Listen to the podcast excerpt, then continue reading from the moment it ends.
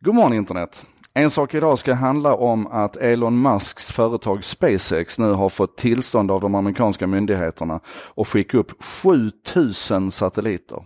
Målet är, eh, målet är många fler, målet är 12 000 satelliter så småningom, men det här är ett bra delmål. Och jag ska förklara då vad de här satelliterna ska vara till för. för att Musks vision här är att vi ska kunna koppla upp de delar av världen som idag inte är uppkopplade. Vi har ju miljarder användare som står utan internetaccess idag. I regel för att det är otillgängliga område, för dålig befolkningstäthet, det finns ingen ekonomi i det. Och man kan helt enkelt inte dra fram fiber överallt.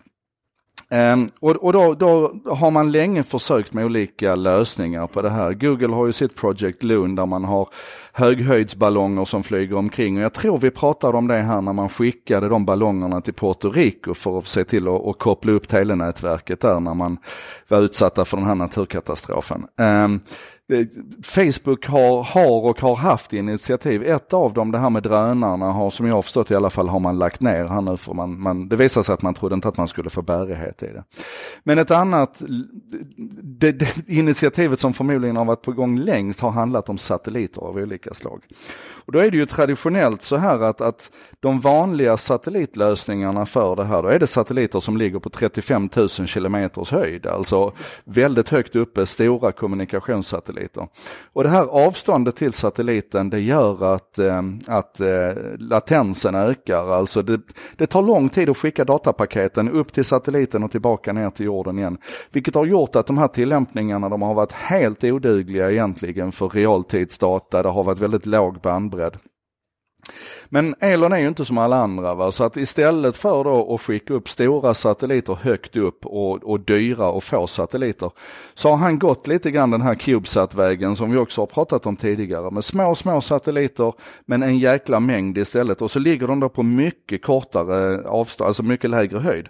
De ligger på bara 550 till 1100 kilometers höjd. Det är alltså jättestor skillnad. Och det här betyder då att, att transportsträckan för signalerna blir så kort så att vi kommer ner på mer normala eh, eh, latenstider istället. Man pratar om att man går från 600 millisekunder med de traditionella satelliterna ner till det som är mer normalt för, för oss här hemma.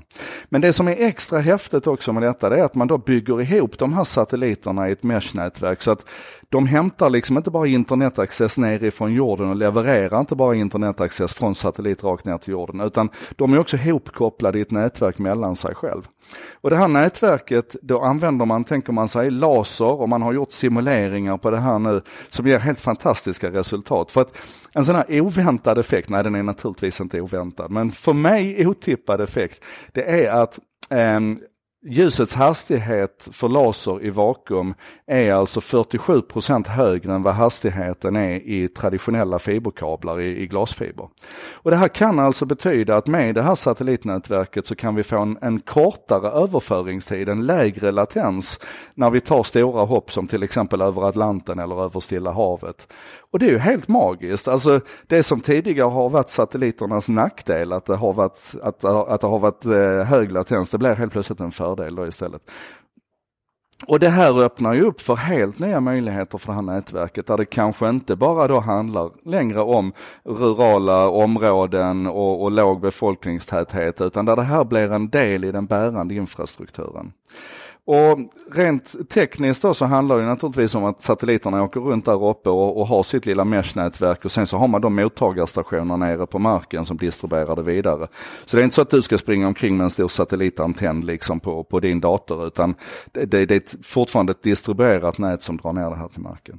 Och det är väl där någonstans affärsmodellen finns också då, att aktörer på marken ska välja och ansluta till, till satelliterna. Precis som många aktörer idag liksom ansluter till kopplingspunkter för Atlantkablar kablar, Stilla havet-kablar och långa fiberlängder. Så alltså, de, de flesta operatörer idag har ju inte en egen infrastruktur utan de köper in sig på någon annans infrastruktur. Och det Elon gör nu är att han lyfter upp den här infrastrukturen i luften. Vilket betyder att vi kan få in flera miljarder nya användare och att vår egen trafik över Atlanten kan gå snabbare.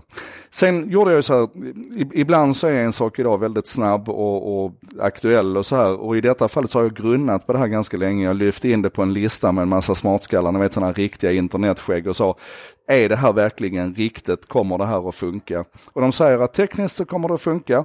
Förmodligen så finns det begränsningar i hur mycket bandbredd, alltså hur, hur mycket data man kommer kunna flytta i mängd över det här nätverket. Men de säger också att det här är bara en, en, en tidig första version av den här ambitionen. Så att det känns som det här kommer att funka. Jag och internetskäggen vågar voucha för att, att Elon förmodligen är någonting på spåren här. Och som sagt, dagens nyhet då, det är att man nu kommer att skicka upp uppemot 7000 satelliter här i den, i den första batchen. 1200 den närmaste månaden tror jag. Det är jättehäftigt detta. Så det lär vi återkomma till. Fundera på vad det skulle betyda för dig om hela världen plötsligt var uppkopplad. Får du en större marknad kanske? Kommer du kunna ja ni vet, be honest and do good shit. Det kanske vi får större möjligheter att göra nu. Hörni, det här var en sak idag. Tack för att ni har hängt med den här veckan. Eh, vi ses på måndag igen, samma tid, samma kanal. Ha en bra helg.